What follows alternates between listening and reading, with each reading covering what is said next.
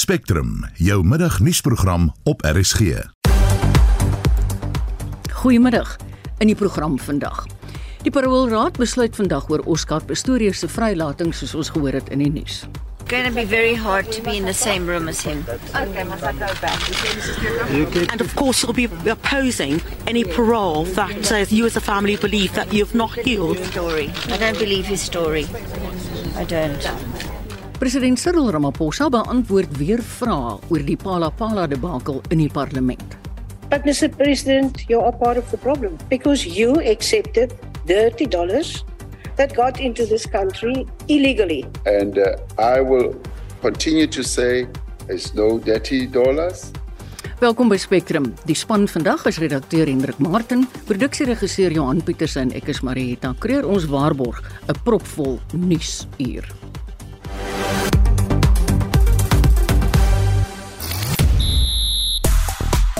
Goeiemiddag. Die Blitsbokke begin die Stylberg goed in Hong Kong. In cricket is dit 'n moedwen vir die Proteas teen Nederland en Manchester City in 'n belangrike tuiswedstryd teen Liverpool. Meer sport volg bietjie later. Dis Christo Gawie vir RSG Sport. En soos jy in die nuus gehoor het, daar's 'n reuse media teenwoordigheid by die Atteridgeville gevangenis in Pretoria waar Oscar Pistorius vir die paroolraad verskyn vir oorweging om op parool vrygelaat te word. Hy het reeds helfte van sy vonnis vir die moord op Riva Steenkamp uitgedien. Die Steenkamp gesin, gesin staan sy parool teen. June Steenkamp het by die gevangenis opgedaag in 'n motor waarop die hitsmerk It Ends With Me verskyn. Foto's daarvan is op Twitter gedeel en die hitsmerke daarom dop te hou is Oscar Pistorius en Justice for Riva en heeltemal iets anders is vandag ons brandpunt vraag vir luisteraars. Dis 'n interessante en ek dink 'n baie gewilde onderwerp want rugby word vanjaar amptelik 200 jaar oud. Dr Willem Botha gaan ons meer vertel oor die sport en die woord kookwater rugby. Intussen wil ons graag by jou hoor. Wat is jou gunsteling rugby herinnering nog? 'n Wedstryd, 'n oomblik in die wedstryd, selfs 'n rugby verwante belewenis wat jy gehad het. Deel dit met ons asseblief. Stuur 'n SMS na 45 0889 jaag jou R50 uit die sak uit. Praat gerus saam op die Monitor Spectrum Facebookblad of jy kan natuurlik jou stemnota los by ons WhatsApp nommer 076 536 6961. Welkom terug by Spectrum, dis 8 minute oor 12. President Cyril Ramaphosa is in die parlement uitgevra oor die ware rede hoekom hy 'n superkabinet binne die presidentskap geskep het. 'n DA-lid van die Nasionale Raad van Provinsies, Dennis Ryder, het die vraag tydens 'n vraag en antwoord sessie gestel. Dennis Ryder van die DA het drie redes uitgelig wat president Ramaphosa kon gemotiveer het om nog 'n kabinet onder sy toesig te skep. Ryder het hom gevra om te sê of 'n gebrek aan vertroue in sommige van sy kabinetslede een van die drie redes is waarom hy mag in sy presidentskap gesentraliseer het. So the first is that you don't trust your cabinet to work according to your expectations and so you need to keep a close eye on them. The second possible reason is that you don't trust the leader of government business, Mr Paul Mashatile, and I'll admit that that probably shows good judgment. But the last option sir is that It's because you fear scrutiny. And the ministers that are being brought under your presidency, under your umbrella, it doesn't give any portfolio committee in the National Assembly or select committee in the National Council of Provinces any oversight over these ministers and the work that they do. And this is especially worrying when we see the Minister of Electricity that's now operating without oversight, especially at a time that it's worrying like at the moment. So the question to you, Mr. President, then is it option one, two, or three? Ramaphosa het so op Ryder se stelling gereageer. How about option 4? And option 4 is to make government work much more effectively. And that is the option that I have gone for to make sure that we work more effectively and serve the people of South Africa much better than we have. It's not a process of centralizing power. No, it's not that. It's not even driven by that. It's not even driven by the fact that I don't trust uh, ministers. I trust all my ministers and I trust the lead of government business, my deputy president. And that's why uh, he's appointed to that position. And the oversight issue, uh, there is oversight. And part of what I'm doing now is precisely that, that I stand here and you ask me questions and I answer written questions as well as oral questions. So there is oversight. Toe Ramaphosa die Raad van Provinsies die versekering gegee het dat die regering hard werk om van die finansiële taakspan se gryslys verwyder te word, het die DA se hoofsweep, Kathleen Labeskagni, hom aan die sogenaamde Palla dollars herinner. But Mr. President, you are part of the problem because you accepted dirty dollars that got into this country illegally. So, how do you, with any credibility, stand up here on nationally and internationally and explain to us how we will go, how we are going to get out of this uh, grey listing when you are part of the problem? Die president het egter aan LPS gesê om toe te laat dat die verskillende ondersoeke na Palapala afgehandel word. Hy het ook weer ontken dat hy misdaadgeld aanvaar het wat die land binne gekom het. And I think we should wait for that process to be concluded to come to the type of conclusion that you're alluding to because I have and publicly said I'm willing prepared to cooperate and have done so and some of those institutions have even said so.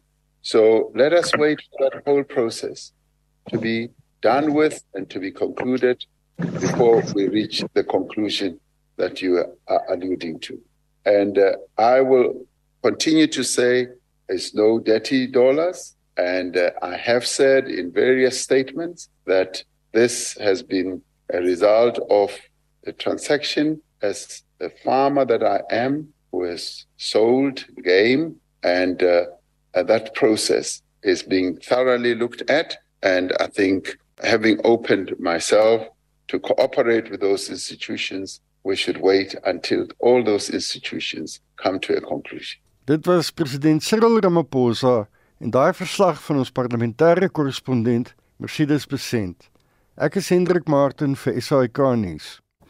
Die Britse parlementslid Lord Peter Hain is nog 'n invloedryke persoon wat waarsku dat Suid-Afrika in die rigting van 'n mislukte staat beweeg. Hain was jare gelede 'n anti-apartheidsaktivis en word as 'n vriend en bondgenoot van 'n demokratiese Suid-Afrika beskou. Die Britse edelman was 'n spreker by die PSG Consult se Think Big reeks van seminare. Ons praat nou met Dr. Rolof Botha, die ekonomiese raadgewer van die Optimum Beleggingsgroep. Goeiemôre Rolof. Hallo Marieta. Wat is 'n luisteraar? wat is 'n mislukte staat? Dink jy Suid-Afrika voldoen aan daai vereistes? Hoe genaamd nie. Ehm um, 'n mens moet net onthou dat ehm um, meneer Rein is 'n politikus. En uh, wanneer politikuste aan ek het dit al so dikwels in my lewe gesien uh oor oor baie baie jare as as hulle eers 'n luidspreker voor hulle het dan is dit soos 'n kar, jy weet wat wat se engine on is, maar hy's nie 'n rat nie. Mm. Uh en daar kom jy weet en hulle wil ook nie baie graag daai mikrofoon laat gaan nie en dan is hulle geneig om baie twak te praat en meneer Royne is baie bekend daarvoor. Ehm um, ek wil net vir die luisteraars vinnig vertel wie is mislukte state dan kan mense baie beter perspektief kry. Daar is slegs 9 lande in die wêreld wat amptelik dan daar's 'n indeks uh, dit was in die ou dae genoem die indeks van mislukte state toe daar kritiek uh, op ek dink is die Heritage Foundation en toe hulle dit verander na 'n indeks van brose state, maar dit is nog dieselfde beginsel. Mm. Uh en die mislukte state van die wêreld is Jemen, Somalië, Suid-Sudan, Sirië, die Demokratiese Republiek van die Kongo, een van ons SADC uh, medelande, die Sentraal-Afrikaanse Republiek wat al vir seker omtrent 60 jaar in 'n burgeroorlog betrokke is, Chad, Sudan en Afghanistan. En as daar twee lande so uh, net net onder daai grens val, hulle klop hard aan daai deur. Zimbabwe en Venezuela. Nou kom ons kyk na die ken, kenmerke. Die kenmerke van 'n mislukte staat is nommer 1 'n algehele gebrek aan wet en orde. Maar ek bedoel geen wet en orde hoegenaamd nie. uh, Polisie mag wat nou nie altyd sy kant bring nie is is heeltemal 'n ander situasie. Nommer 2, die ineenstorting van die ekonomie. Ons ekonomie het verlede jaar met 2% in reële gegroei in reële terme gegroei om 'n vlak van 6.6 triljoen rand te bereik. Ons ekonomie het nie ineengestort weens beerdkrag nie. Nommer 3, menseregte skendings van die ergste graad denkbaar. En baie belangrik, die afwesigheid van 'n demokratiese grondwet en die afwesigheid van veelparty verkiesings. Meneer Hein weet nie waarvan hy praat nie en hy moet liewer stil bly. So jy sê die feit dat ons so goeie grondwet het is uh, die groot verskil tussen Suid-Afrika en Zimbabwe waarna jy nou verwys het. Dit is een van die redes, maar maar dit is die belangrikste rede is ons private sektor. Ons private sektor sorg dat daar elke dag in die kleinhandelaars se winkels genoeg kos is vir mense wat dit kan bekostig. Ons betaal elke maand welvaartstoekennings aan ongeveer 18 miljoen mense 'n mislukte staat het nie daardie hmm. tipe fiskale 'n uh, 'n uh, 'n uh, uh, stiekrag nie. Ons het in die laaste begroting 'n 95000 miljoen rand oorskot gehad op ons inkomstebelasting of op die totale belasting wat ingevorder is. Hier's baie probleme in Suid-Afrika, maar dit kan reggestel word met die regte beleid en die regte vaardighede en dit is wat president Ramaphosa wil regkry. Sodra hierdie kastige skandaal wat deur Arthur Fraser en Iqbal Sirwys se koerante jy weet uh, veroorsaak is uit die weg uit kan ry. Hy was die slagoffer van 'n misdaad binne in daai BK waarvan hy 'n lid is. Uh jy weet en en hy weet presies wat hy doen om stadig maar seker hierdie land in die regte rigting te beweeg. Wat luisteraars net moet onthou is dat indien meneer Maposa in 2018 te vinnig beweeg het, sou daar 'n moontlikheid gewees het dat die Red faksie in die ANC saam met hierdie Malema klomp kan gaan en moontlik die regering kan oorneem. Dan was nie een van ons nog dan was hmm. ons al lankal in uh, Amerika of Oranje. jy kan besluit. Maar uh, in elk geval jy weet so regtig, ons ons het baie probleme. Natuurlik het ons baie probleme. 'n Mens moet jy weet ons weet mos hoe lyk die paai, ons weet mos hoe lyk die kragsituasie, maar daar word aangewerk en ons moet nou net saamspan private en pri, uh, vennootskappe tussen die private sektor en die regering gaan die die knoop deurraak volgens my en dit is presies wat meneer Ramaphosa wil doen. Rolof het verwys na onbevoegde en ongekwalifiseerde bestuurders, ag by plekke soos Eskom, Transnet, SAL, polisie en so aan. Dink jy sy kritiek is billik? Ja, ek hou nie af van om dit te erken nie. Ja, ja. maar sy met sy kritiek wat dit betref is nie billik nie, maar dit is voor die hand liggend enige iemand wat al probeer het om 'n paspoort te hernie by binlandse sake sal weet waarvan ek praat. Of probeer het om enige enige ANC munisipaliteit so ver te kry om hulle foon te antwoord. Uh ek meen die helfte van die land se munisipaliteite is bankrot. En en en dit is suiwer weens nepotisme wat ontstaan het uit swart ekonomiese bemagtiging en natuurlik meneer Zuma se geliefkoeste twee woorde, kader of een woord, kader ontplooiing. Ek dink daar's 'n koppelteken in. En nou moet meneer Ramaphosa dit ongedaan maak. Hy kan dit nie oornag doen nie. Maar stadig maar seker glo ek dat die private sektor sal betrokke raak en deur middel van mentorskap sal hulle sê maar byvoorbeeld jong uh, ingenieurs en projekbestuurders wat nou net uit die universiteit uitkom uh oplei om om laat hulle kan sien hoe moet jy 'n munisipaliteit bedryf. Mm. Dan vra hy Suid-Afrikaners om op te staan teen korrupsie, weliswaar nou nie in 'n gewelddadige opstand nie, maar eerder om omkopery te verwerf. En 'n mens moet nou 'n gedagte hou dat hy met sakelui gepraat het. Dink jy dit is goeie raad? Wel, uh, op papier ja, maar hoe hoe gaan ons opstaan? Ga, gaan ons nou in die straat invaar soos nee Malemale en met plakate gaan dit enigiets verander? Blykbaar weet meneer Heinie van die Sonnekommissie. Wat die regering wel moet doen, is hulle moet die nasionale vervolgingsgesag se kapasiteit vertiendubbel, vertiendubbel en en en ook uh, trouens uh, uh, as 'n saak van prioriteit sal hulle moet internasionale regskenners ook uh, uh, kry om saam met hierdie mense te werk sodat ons vinniger die persone vir wie daar prima facie bewyse is van korrupsie dat hulle vinniger gearresteer kan word dat hulle vinniger in die hof kan verskyn. Baie dankie Rolof, dit was Dr. Rolof Botha, ekonomiese raadgewer van die Optimum Beleggingsgroep. 20 oor 12. Naweek aktueel saai môre regstreeks uit van die Gallagher Konferensiesentrum af in Midrand vir die DA se federale kongres. En vir meer oor wat ons kan verwag, sluit ons spesialisverslaggewer Saya van der Walt nou by ons aan. Hallo Saya. Goeiemiddag. Die DA se federale kongres blyk vanjaar baie baie media aandag te geniet. Wat is die redes hiervoor dink jy? Ek moet sê ek is op 'n WhatsApp groep wat die DA gestig het vir al die media reggers Suid-Afrika wat die kongres gaan bywoon en ek moes hom later afsit of stil maak want dit is besig. Dit is verskriklik baie media belangstelling wat daar is oor die kongres en ek was self, ek dink die laaste een wat ek bygewoon het was in 2007 en dit was nou uh, dit was omtrent 'n filletjie as mens dit vergelyk met nou.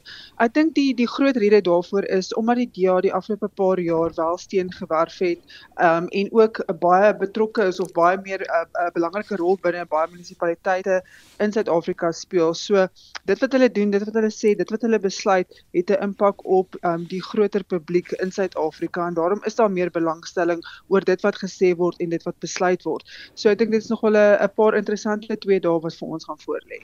Behalwe vir die verkiesing van leierskap, dink jy afgevaardigdes gaan ook besluite maak oor die beleid? Dink jy die kwessie van koalisieregering sal 'n groot fokus wees? Soos jy sê, ehm um, wie die groot die groot kwelpunt is nou maar die die verkiesing van die nuwe leierskap. So dit is wat nou ook wel gaan gebeur, maar natuurlik ehm um, hulle gaan hulle spesifiek twee sessies ehm um, Saterdag die grootste gedeelte van Saterdag. Hulle gaan 'n opening hou en dan van 9uur af omtrent of van 10uur af tot omtrent 6uur die middag gaan hulle nou beleidskwessies bespreek en Sondag is dit weer die geval nadat hulle nou gestem het, gaan hulle ook beleidskwessies bespreek. Ehm um, hulle moet hulle self voorberei vir volgende jaar se verkiesing. Ons weet 2019 het hulle vir uh, hulle is um steen het um afgeneem van 22% in die vorige verkiesing na by 20% toe en dit was een van die redes hoekom moes hy my money ook um daai tyd um in 2019 bedank het om daar nie omdat hulle um nie regtig baie goed by die die stemlokale gedoen het nie en dit is iets waarna hulle beslis moet kyk. Ons weet um die ANC het baie steen verloor of is um dit blyk of hulle baie steen mm. verloor het en daar is baie gerugte rondom um gaan hulle wel daai 2/3 meerderheid kan kry? Wat gaan hulle by die stemlokale volgende jaar kry? Maar daar's baie kiesers wat nou na 'n huis soek en ek dink dit is iets wat die wat die DA wil bespreek um en sien hoe hulle wel daardie kiesers kan lok. Dit gaan 'n besige naweek vir jou wees, Saya, maar baie dankie by voorbaat. Dit was die spesialis verslaggewer Saya van der Walt. Ons gaan voort met Spectrum. June Steenkamp se getuienis voor die Paroolraad is afgehandel. En 'n besluit deur die Paroolraad oor die vrylating van Oscar Pistorius sal na verwagting later vandag bekend gemaak word. Die SAK verslaggewer Panel Shuma sluit nou by ons aan om vrae te vra. Hallo Panel. Uh, good day. Please tell us what happened this morning. Uh, as I'm speaking to you, the first session of the hearings has been has been concluded. We have just saw the income family leaving the prison uh, complex after making their uh, representation, which lasted for an hour or two. Uh, since they arrived here at around half past nine, and uh, uh, I can confirm to you, 30 minutes ago they left this uh, uh, prison complex, and they are very adamant that uh, in their representation they argued that Oscar Pistorius must not be released back to the society. Their reason being that they believe has not been rehabilitated and he needs to complete his sentence, and if so, he mustn't even be granted any parole at all uh, because they feel uh, it won't be in the interest of justice on their part. Uh, mm. Now, uh, what is happening is that uh, it's uh, Oscar Pistorius' turn to make representation because uh, they were divided. They were not in the same room. They were afforded the first opportunity as soon as they got here. And uh, now it's Oscar Pistorius. It's a closed session hearing. We are a, a distance away from where it is taking place. Okay. We are camping here as the media at the main entrance, which could be about uh, 500 meters mm. to the complex mm. where the whole hearing is taking place. Uh, it's not necessarily a busy space. It's only the media that is packed here, but it's a lot of uh, media houses packed here outside the main yeah. entrance. And uh, since this place is so remote, it's on the outskirts of the city, uh, it's very rare that you can see members of the public passing by wanting to know what is happening. It's in the bush uh, it's only us, the media. So uh, it, it's really not attracting uh, the public here. Although we have had some advocacy groups uh, addressing the media elsewhere, uh, trying to add their views, and most of them are against the fact that Oscar Pistorius is likely to come out. However, we know it's not going to happen today. This hearing is going to last for about three to uh, four weeks and after that the board will sit down and go through the arguments, uh, and, and, that's when a decision will be made. And once a decision is, is made, if it's in favor of Oscar Pistorius, obviously the income family is going to uh, go through it and uh, seek legal advice to try and oppose it. And if it's not in favor of Oscar Pistorius, eh, the likelihood is that he's going to take it on review. Thank you so much Faniel. I can hear that it is a busy day there where you are. Dit was die SAK se verslaggewer, Faniel Schumann. Wanneer die DA voorbeelde van goeie regering noem om sy saak te versterk, word die Umgeni munisipaliteit nou in dieselfde asem as Kaapstad genoem. Die DA het na dekades van ANC bewind in die munisipale verkiesing in 2021 beheer oor die munisipaliteit by Howick in die KwaZulu-Natal se Middelland oorgeneem. Aan die vooraan van die party se federale kongres in Midrand die komende naweek het SAIK nuus met burgemeester Chris Pappas oor sy benadering tot plaaslike regering gepraat. Dries Liebenberg berig. Die 31-jarige Chris Pappas is nie 'n tipiese Suid-Afrikaanse burgemeester nie. I'm young. South Africa in politics doesn't like young people.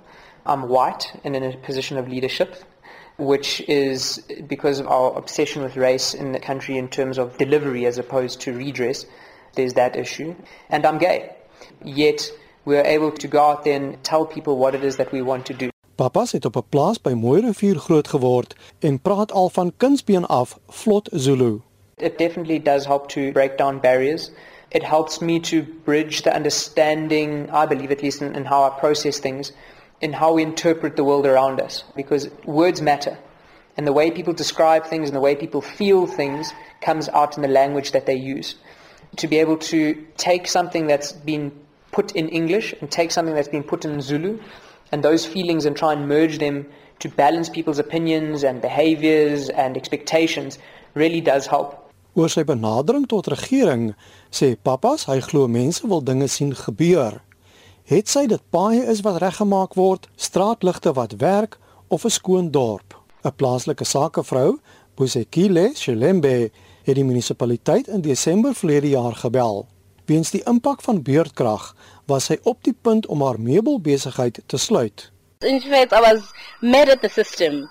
The mayors and everybody else come to say, you need to employ people, we need to increase the employment rates in South Africa. And so we did.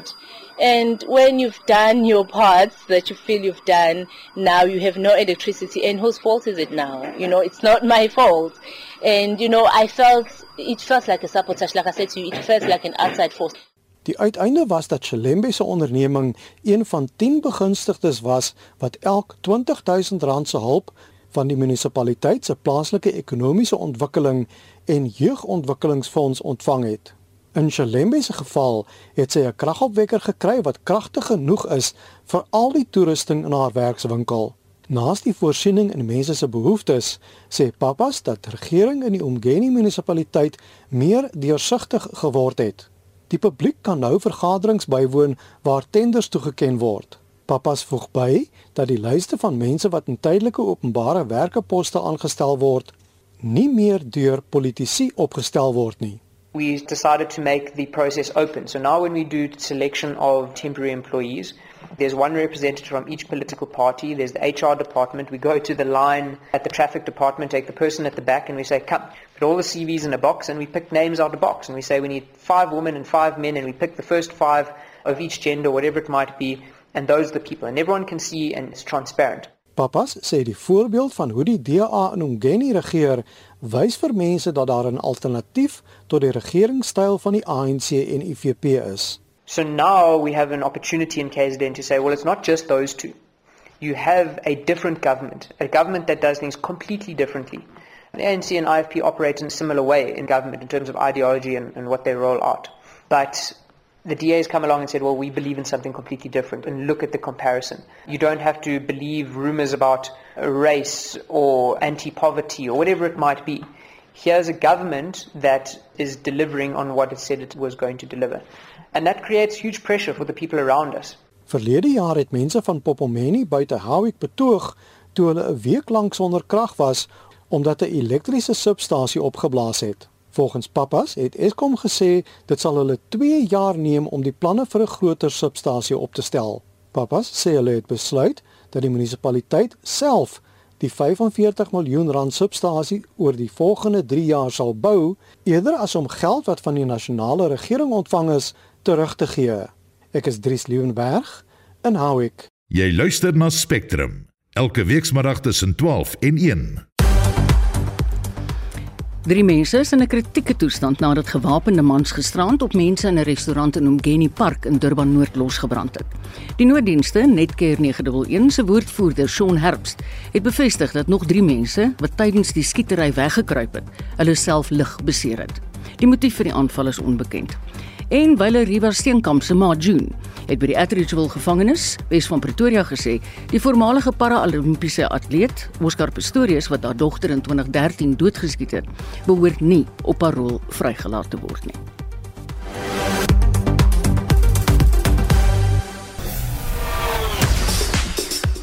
En nou is dit tyd vir Christo Gawie met die jongste sportnuus. Goeiemiddag. Die Blitz het 'n goeie naweek nodig om nie net trots op die span te herbou nie, maar om ook te verseker dat hulle steeds 'n kans het om outomaties vir die Olimpiese spele te kwalifiseer. Die Blitz het teleurstellend vertoon in Los Angeles en Vancouver, waar hulle tot 7de op die reeks se punteleer gesak het. Hierdie naweek sal ook nie maklik vir die Suid-Afrikaners wees nie. Die Blitz sal teen die voorlopers Nieu-Seeland en 'n desperate Kenia in hulle groepwedstryde te staan kom. Vanoggend om 9 was die Suid-Afrikaners teen Ierland in aksie en het met 14-7 geseëvier. Nieu-Seeland het vir Kenia met 29-5 geklop.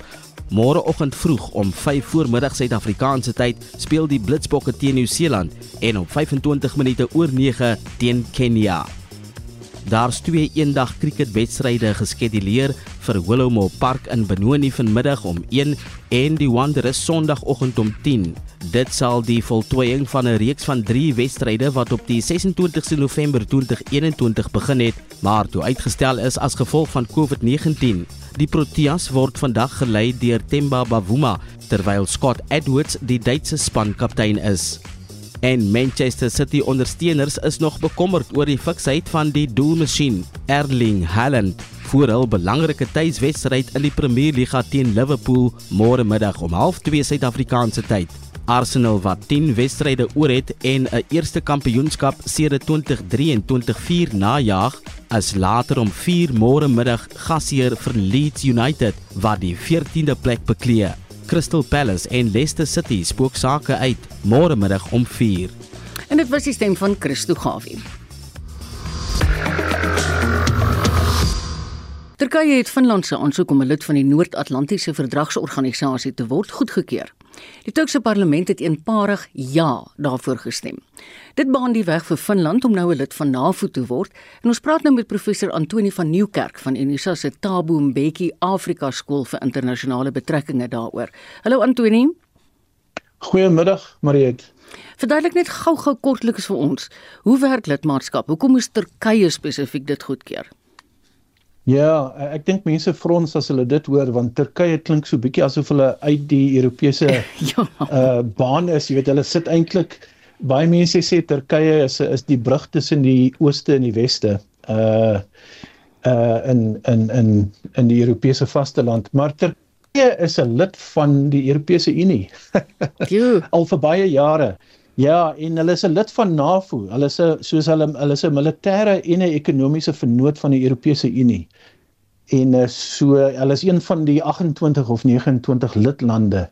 En as as as Suid-Afrika nou wil aansluit by die Europese Unie of by NAVO, dan moet ons nou aansoek doen en dan moet al die lede saamstem eenparig dat ons 'n nuwe lid toelaat.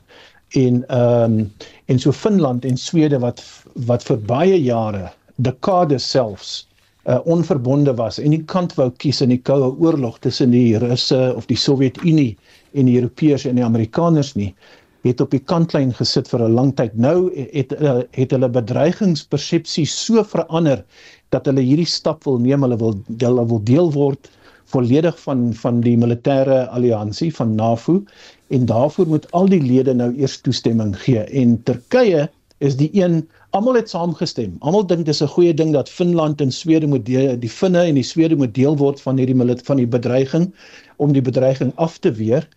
Ehm um, maar Turkye het 'n probleem gehad met uh, hmm. met hierdie benadering. Hulle is die enigste een wat uitgehou het tot gister toe. Hoe dink jy gaan Rusland hierdie verwikkeling ontvang? Ja, uh, uh dit uh, dit gaan nie goed wees nie. Ek dink hulle uh, ons kan nie aanneem dat hulle niks gaan doen nie. Ehm um, Uh as jy mens kyk na die kaart van Noord-Europa, dan sal jy sien dat die grens tussen Finland en Rusland is is baie lank, is meer as 1300 km. Uh dis 'n groot gebied om te dek. En Finland, uh, ek was nog altyd onder die indruk dat uh dat die Finne beter af is met 'n met 'n onverbonde soort van buitelandse beleid met en dit beteken hulle is nie 'n bedreiging vir Rusland nie. Hulle mm. sê ons ons is neutraal. Ons mm. kies nie kant nie uh ons doen net ons eie ding in ons eie land. Uh nou dat hulle bedreigingspersepsie verander het, hulle is bang, kan ek net vinnig sê, mm. uh die lande rondom Rusland aan die kant van Europa, die Baltiese state, ehm um, die kleiner landjies en dit sluit nou Finland ook maar in. Hulle is bang dat as Oekraïne ingepalm word deur die Russe, dan is hulle die volgende. Latvië, Litouwanië, ehm um, Estland dink ek, Estland, Letland en Litouwanië en Finland. Hulle is bang dat die Russe so uh so oor in 'n oorwinningstog, jy weet, hierdie volgende lande gaan begin inpalm. En dit is hoekom hulle sê ons wil dan ons wil hierdie sekuriteit sekuriteits sambreel van die Amerikaners en van die Europese Unie en van NAVO wil ons nou ook vashou sodat ons nie bedreig kan word nie.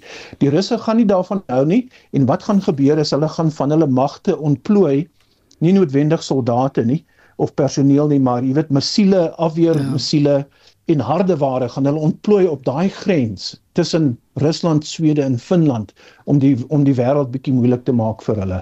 En met ander woorde wat wat ek besig is om te sê is hierdie proses van Finland en later Swede wat ook gaan aansluit by NAVO verdiep nou die militarisering van die konflik. Mm. Uh in in in in steede daarvan dat mense wat neutraal was, lande wat neutraal was in die verlede dalk kan sê vir die Russe en vir die Oekraïners en vir die Amerikaners, kom ons dink aan 'n vredesplan. Mm. Dit is nou van die tafel af. Hoorie Antoni, jy verwys nou net na Swede, maar Turkye en Hongarye is nog steeds teen Swetse lidmaatskap gekant. Hoekom?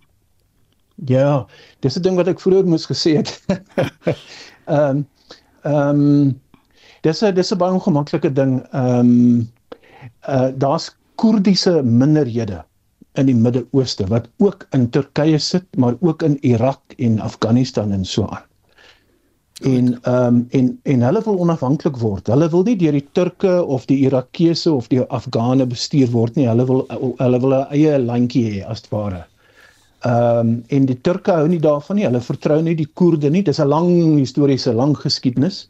En uh, baie van die Koerde wat onderdruk word deur hierdie lande waarvan ek nou praat, het gevlug na die na die Noordiese na die Skandinawiese lande waar hulle nou mense waar hulle baie soort van gemaklik ontvang is. Mm. En die Koerde sit in Swede en hulle sit ook elders in Europa, mm. uh soos in Duitsland byvoorbeeld en die Turke sê ons gaan nie toelaat dat jy lidmaatskap van NAVO kry alvorens jy hierdie Koerde aan ons oorhandig nie want ons dink hulle is terroriste. Mm. En die Finne en die Swede het tot dusver gesê nee wag 'n bietjie. So daar was 'n onderhandeling agter die skerms gewees. Goed.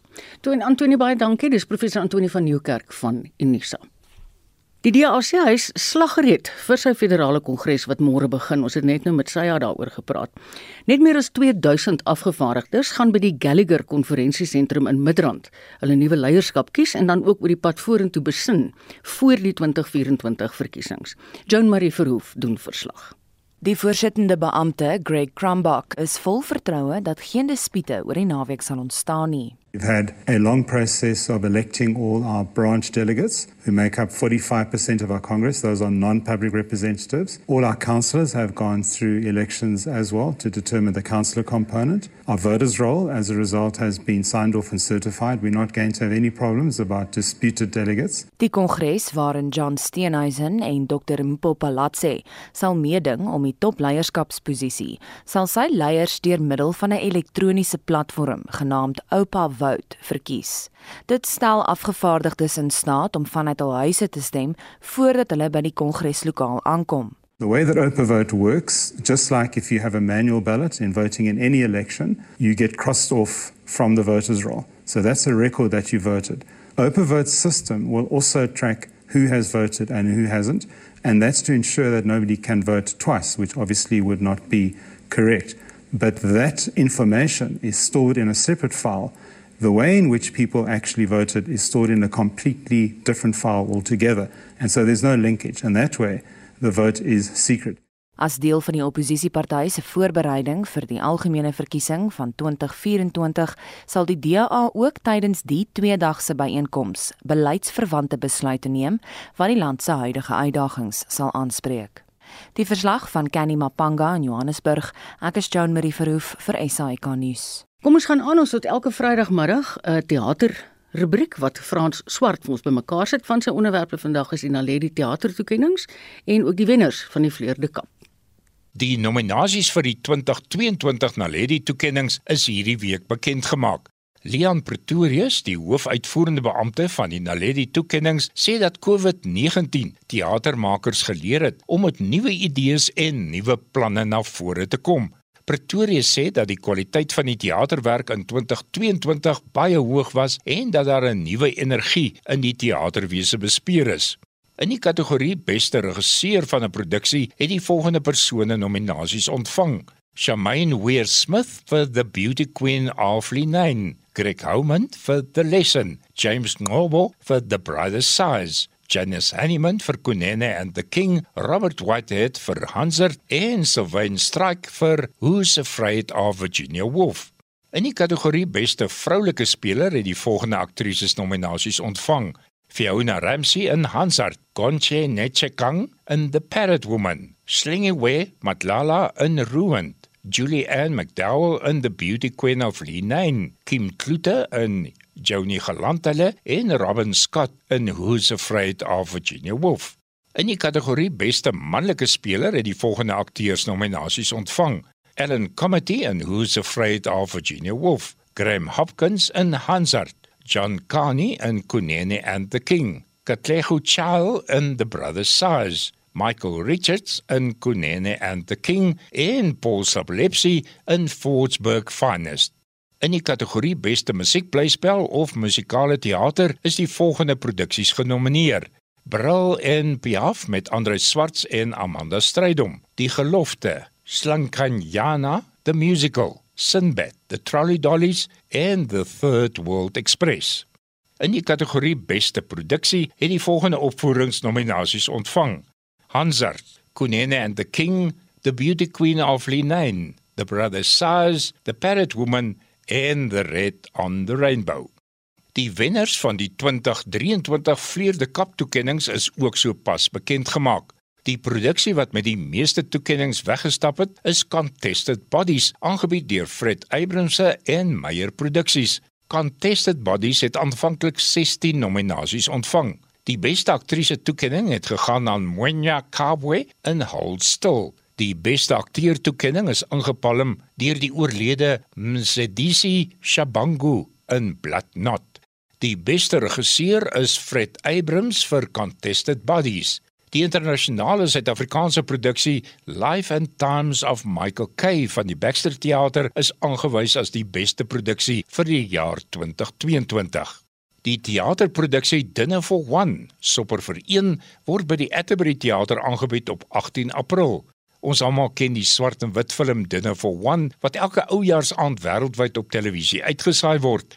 Volgens die Guinness Book of Records hou hierdie dinge vir one die rekord vir die televisieprogram wat die meeste uitgesaai is en die meeste kykers ooit gelok het. In die teaterproduksie Dinner for One speel Elma Potgieter Miss Sophie en Justin Strydom speel die butler James. Pieter Dirk Eis is te sien in sy satiriese produksie Selby Date by die Playhouse Theater in Somerset West vanaf 5 April. In hierdie produksie bekyk Pieter Dirk Eis en sy vele karakters, soos hy dit noem, the states of disaster. Stuur gerus jou teaternuus aan frans@lefra.com. Volg ons op Facebook by Teaternuus en besoek gerus ook ons webtuiste teaternuus.co.za. Vandag word die sake nuus aangebied deur Karel de Jong, as 'n portefeuljebestuurder by Sanlam Private Welvaart. Hallo Karel. Goeiemôre Marita. Gaan gerus voort. Die verhandel die algehele indeks op 77226. Dis 0.64% laer. Die finansiële indeks teen 39194 of 341 punte laer. Die industriële indeks op 109628 punte of 0.2% laer. En die hulpbron uh indeks verhandel op 38722 dis 515 punte laer. Dan in Europa verhandel die FTSE 100 op 7636 punte of terwyl 0.19% hoër en die Duitse DAX op 15581 vlakke dis 59 punte hoër. En tans verhandel die rand teen R17.82 teen die Amerikaanse dollar, R19.39 teen die euro en R22.06 teen die Britse pond. So oorbeweeg na die kommoditeitsfront, verhandel goud tans teen $1979 dollar per fyn ons, platinum teen $984 dollar per fyn ons en olie teen 78 dollar en 69 Amerikaanse sent per vat daarmee terug na die ateljee. Baie dankie. Dit was Karel de Jong, hy is die portefeuljebestuurder by Sanlam Private Welvaart. Ons joernalis medewerker wat vandag baie hard gewerk het, is Jean Marie Verhoef. Johnny, wat is al die jongste nuus? So dis die dag vir die veroordeelde moordenaar Oscar Pistorius. Hy het seker vroeër in die nuus gehoor dat hy vandag voor die paroolraad verskyn het vir oorweging om op parool vrygelaat te word. Hy het reeds meer as helfte van sy 13 jaar vonnis uitgedien vir die moord op Riva Steenkamp in Februarie 2013.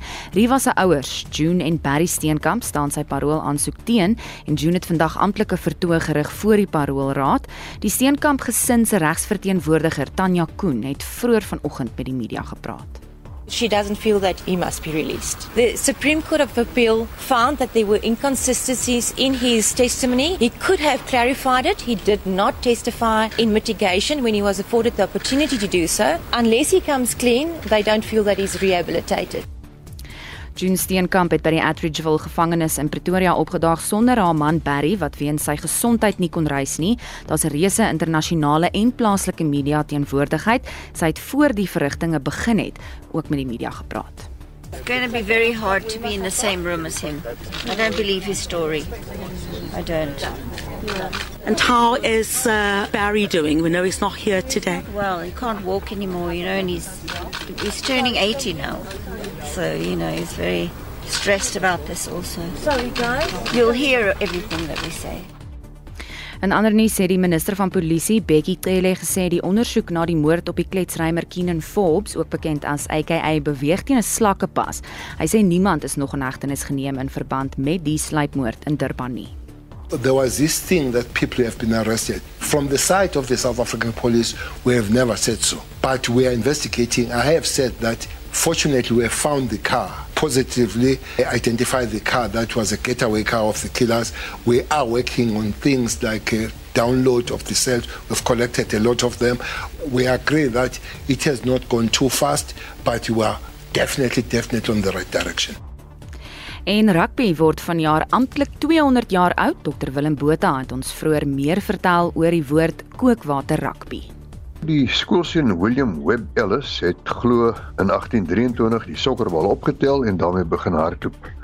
Maar hierdie gebeurtenis is nie werklik geloofwaardig gedokumenteer nie. Wat wel goed gedokumenteer is, is dat rugby 200 jaar gelede 'n bondelgeveg op 'n dorp se meent was. Die reëls van die spel het toegelaat dat jy jou teenstanders kon stamp, trap en selfs skop net nie bo die knie nie. Min of meer alles wat in sokker ontoelaatbaar was, was wettig in rugby. Deur hierdie rugby as kookwater te beskryf, word waarskynlik bedoel dat dit rof en gewelddadig was en as dit ware teen kookpunt gespeel is. Kookwater word dikwels ten opsigte van sport gebruik, maar met kookwater cricket of kookwater rugby word gewoonlik bedoel dat die spel uitstekend, skitterend of opwindend is. Ons het Dis baie interessant. Ek sit op die oomblik met uh, Joan Maringa gesels hier so wat hierdie vir ons saamgestel het. Dit was die stem van Dr Willem Botha, né? Ja. Waaroor ons gesels het, is die feit dat daar 'n hele span nou net hierna vertrek na die Gallagher land. Goed, vertel ons 'n bietjie meer Johnny. Dis reg, Anita Naweek aktueel saai regstreeks uit vanaf die Gallagher um, Estate Konferensie sentrum. Mm. Dis nou vir die DA se federale konferensie. Die span daar sal wees Susan Paxton, Udo Karelse en myself en dan ons 'n hele 'n uh, paar ontleeders en ander spesialis verslaggewers wat saam met ons die verwikkelinge daar gaan dophou. En soos ek sê regstreeks môre middag tussen 12 en 1 op Naweek aktueel en dan Sondag ook sal ons deur die loop die, van die dag gaan ons sal ons oorskakel ateljee toe. Ja, laat ons hoor wat gaan daar aan. Absoluut. Daar's vreeslike gewag gemaak van hierdie naweek. En uh, Anita sê met ander woorde dan nou nie môre middag uit nie. Nee, sy vat 'n bietjie van 'n breek. Ja, dis wonderlik vir haar. Ja. maar baie sterkte vir julle wat baie hard. Dankie, ons sien uit daarna. Ek groet namens ons hele span hierso by Spectrum. Dit dankie dat jy jou oor vir ons gegooi het van 12:00 af. Onthou net hier na skuif ons Kaap toe na Marteliesele toe en dit is vir 360. Maar ek groet namens ons uitvoerende regisseur Nicoline de Wee. Vandag se redakteur is Hendrik Martin. Produksieregisseur is Johan Pieterse. En ek groet net tot 3:00 vanmiddag, maar ek moet vir jou ook dankie sê Jan Marie het baie hard gewerk om vir ons allerlei bydraes te versorg. Hoop almal het 'n heerlike middag in die geselskap van RSG. Totsiens.